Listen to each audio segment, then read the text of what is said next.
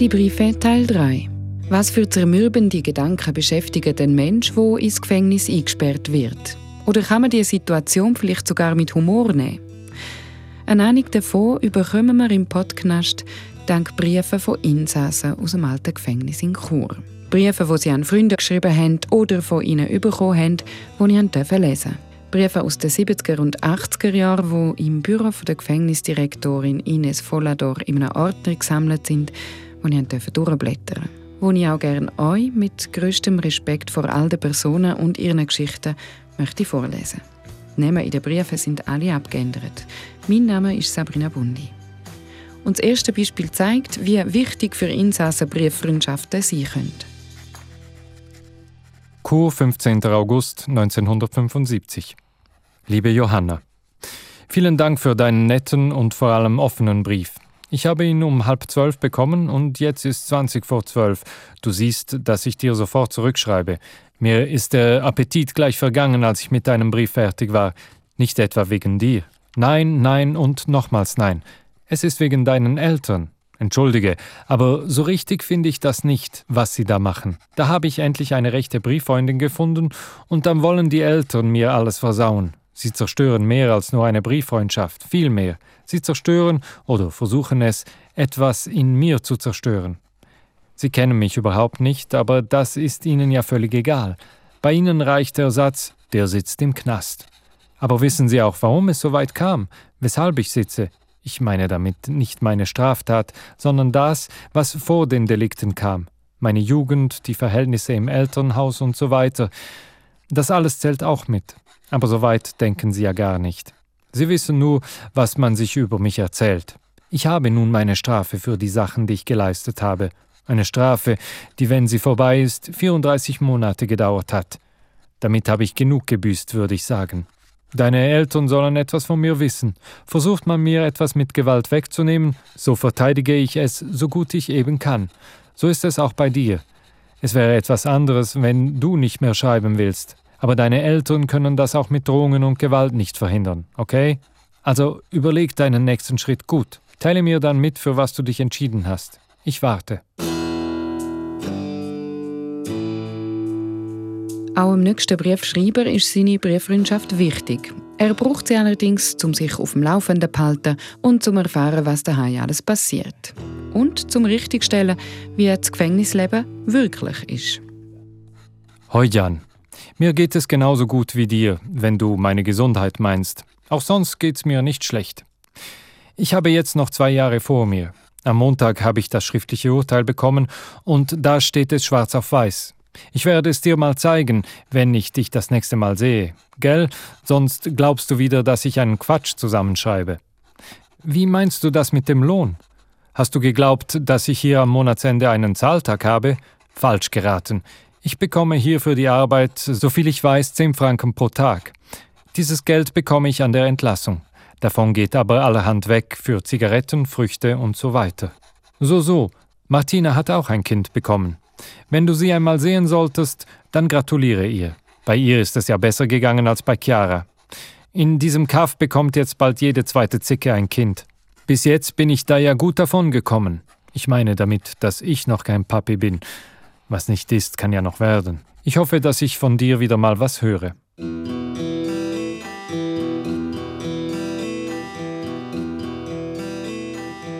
Der Person, wo man als nächste ihren Brief gehört, geht es im Gefängnis gar nicht gut.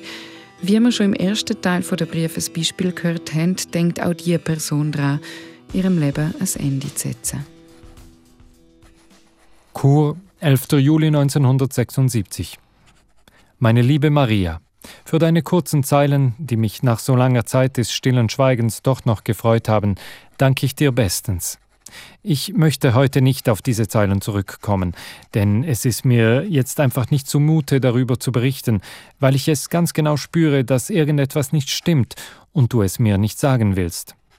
Bei mir braucht es gar nicht mehr viel, und dann mache ich plötzlich einen Seich denn ich bin psychisch seit einiger Zeit schon fertig, und zu all dem muss ich dauernd noch diese Schmerzen ertragen.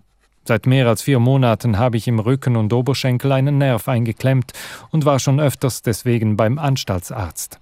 Aber gemacht wird dagegen gar nicht viel, Nur immer Pillen muss ich fressen, welche überhaupt nichts nützen und viel Geld kosten.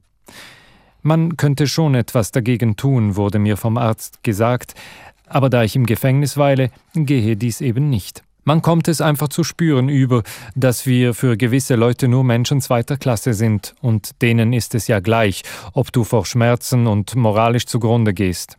Eines Tages ist es mit mir nun bald soweit, und dann werde ich das tun, was ich dir früher einmal gesagt habe und schon einmal, aber leider ohne Erfolg, gemacht habe.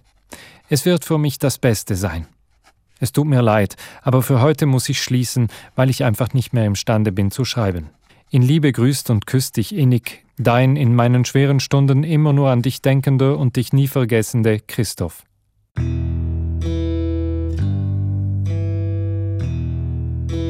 Und zum die heutige Episode von der Briefe abschließen, gibt es das mal noch einen längeren Brief. Einen mit dem Titel Beichtstuhl von einem Insass, der von seinem Leben erzählt und wie es zu seiner Tat gekommen ist. Wir waren eine große Familie. Mit 13,5 Jahren verliebte ich mich in ein Mädchen und ich schrieb ihr auch einen harmlosen Liebesbrief. Doch ihr Vater bekam den Brief in die Hände und er teilte mir eines Tages nach der Kirche mit, wenn das noch einmal vorkomme, werde er es dem Pfarrer melden. Ich habe Angst bekommen, denn ich dachte, dass man das nicht darf und habe mich auch nicht mehr mit Mädchen abgegeben. Mit circa 14 Jahren verliebte ich mich in einen Schulfreund und nach einiger Zeit wurde mir bewusst, dass ich homosexuell veranlagt bin. Als ich meine Schulzeit beendet hatte, da war ich 15,5 Jahre alt, zog ich von zu Hause weg, um auswärts zu arbeiten. Kurz darauf starb mein Mami und zwei Monate später wurde mein Vater auch ins Spital eingeliefert. Er hat sehr gelitten und ist heute in einer psychischen Klinik. Er kennt mich nicht mehr. Nun war ich auf mich ganz allein angewiesen, denn meine älteren Brüder sind dann auch von zu Hause weggezogen. Wir haben uns total aus den Augen verloren. An der neuen Arbeitsstelle konnte ich auf längere Zeit meine Homosexualität nicht verbergen. Ich wurde wegen meiner Krankheit auch immer geplagt und ich wurde mit dem Ausdruck schwuler Hund bezeichnet. Doch ich konnte ja gar nichts dafür. Ich wollte doch so gerne anders sein. Mit 17,5 Jahren verließ ich meinen Arbeitsplatz und zog in eine andere Stadt. Nach kurzer Zeit fand ich auch Arbeit, doch auch hier war es wieder das Gleiche. Homosexuelle werden eben nicht als volle Menschen anerkannt. Doch ich wollte nicht mehr flüchten. Ich blieb. Ich verliebte mich abermals in einen noch nicht ganz 16-Jährigen. Eines Tages wurden wir erwischt und es kam zu einer Anzeige wegen Unzucht mit Minderjährigen. Ich musste vor Gericht und bekam drei Monate Gefängnis auf Bewährung. Ich suchte einen Psychiater auf, doch der erklärte mir, es gebe kein Mittel, mit dem man mir helfen könne. Mit 19 Jahren lernte ich einen Schüler, der 17 Jahre alt war, kennen und wir wurden gute Freunde. Darum vertraute ich ihm auch meine Krankheit an und er versprach mir zu helfen. Er redete Tag für Tag mir immer wieder ein, ich müsse mit viel Wille und Geduld mich gegen die Krankheit sträuben. Ich dürfe nie aufgeben, auch wenn es nicht klappen sollte. Mit 20 Jahren hatte ich tatsächlich meine ersten sexuellen Beziehungen zu einer älteren Frau. Nach meinem Ermessen hat das für das erste Mal sehr gut geklappt. Ich war überglücklich vor Freude, und mein Freund trieb mich regelrecht dazu, dass ich nicht mehr zurückfalle. Ich fing allmählich an, mich für andere Mädchen zu interessieren und habe dabei einen Fehler gemacht. Da ich sehr große Minderwertigkeitskomplexe hatte, fing ich an, mit den Mädchen in teure Lokale essen und tanzen zu gehen. Ich habe festgestellt, dass ich dadurch der Größte war. Ich kaufte mir ein großes, teures Auto und nun rissen sich die Mädchen um mich, und ich hatte nach kurzer Zeit meine Minderwertigkeitskomplexe und auch meine Homosexualität überwunden. Ich war damals glücklich und verliebte mich in Maria. Eines Tages fuhr ich durch Selbstverschulden mein Auto zu Schrott.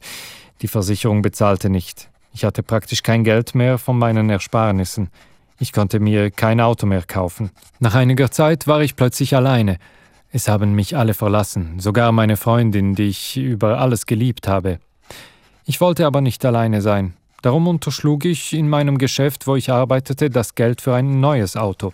Ich wollte es nach und nach zurücklegen, doch das gelang mir nicht mehr, denn ich bekam meine Kündigung und als meine Kündigungszeit abgelaufen war, kam die Unterschlagung zutage. Ich wurde verhaftet. Zwei Tage später konnte ich wieder gehen bis zur Gerichtsverhandlung. Ich zog in eine andere Stadt und versuchte Arbeit zu finden. Aber überall hieß es, nachdem sie Referenzen eingezogen hatten, es tut uns leid, aber wir können sie nicht einstellen. Dann endlich nach zwei Monaten habe ich eine Stelle gefunden, weil der neue Arbeitgeber keine Referenzen eingeholt hatte. Nach vier Monaten hat er doch von meiner Unterschlagung erfahren und mir wurde fristlos gekündigt mit der Begründung, er könne keine Gauner im Betrieb haben. Ich gehöre ins Zuchthaus. Ich aber habe doch damals ganz ehrlich wieder angefangen und mir nichts zu Schulden kommen lassen. Ich ging wieder auf Arbeitssuche, doch vergeblich. Ich hatte noch 400 Franken und nun musste ich anfangen einzuteilen. Ich habe mein Zimmer gekündigt, weil ich zu wenig Geld hatte, um es zu bezahlen. Ich war sehr traurig und nervlich total auf dem Nullpunkt. Ich habe angefangen, meinen Kummer im Alkohol zu vergessen. Ich aß nur noch sehr wenig und meistens kalt. Ich wurde etliche Male von Passanten aufgefischt, weil ich sehr viel weinend irgendwo rumgesessen bin. Ich suchte wieder einmal, wie in meiner ganzen Jugendzeit, Liebe und Geborgenheit. Ich möchte doch so gerne ein Zuhause haben. Nach circa zwei Monaten hatte ich meine 400 Franken restlos aufgebraucht und immer noch keine Arbeit gefunden. Geschlafen habe ich einmal hier, einmal dort. Doch es wurde immer kälter und ich musste unbedingt Arbeit finden, um Geld zu verdienen. Ich hatte seit ein paar Tagen nichts Warmes mehr gegessen.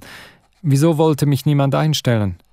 Ich spazierte eines Tages durch ein Warenhaus, und plötzlich kam mir der Gedanke, ich könnte einen kleinen Rechner stehlen, um ihn zu verkaufen, um zu etwas Geld zu kommen. Ich wurde erwischt und angezeigt. Jetzt sitze ich im Gefängnis in einer kleinen dunklen Zelle und warte auf die Gerichtsverhandlung. Ich habe jetzt sehr viel Zeit, über mein verpfuschtes Leben nachzudenken. Ich bin sehr traurig und weine sehr viel bis in mir alles ganz leer wird. Ich frage mich, ob die Leute da draußen in der Freiheit wohl wissen, wie viel traurige, einsame Menschen hier im Gefängnis sitzen. Ich werde in ein paar Tagen 23 Jahre alt und weiß nicht, ob ich die Kraft habe, hier als lebender Leichnam noch lange durchzuhalten. Ich danke herzlich Michel de Courtins fürs Vorlesen der Briefe und ich danke euch fürs Hören vom Podcast. Bis gleich und habt Sorge.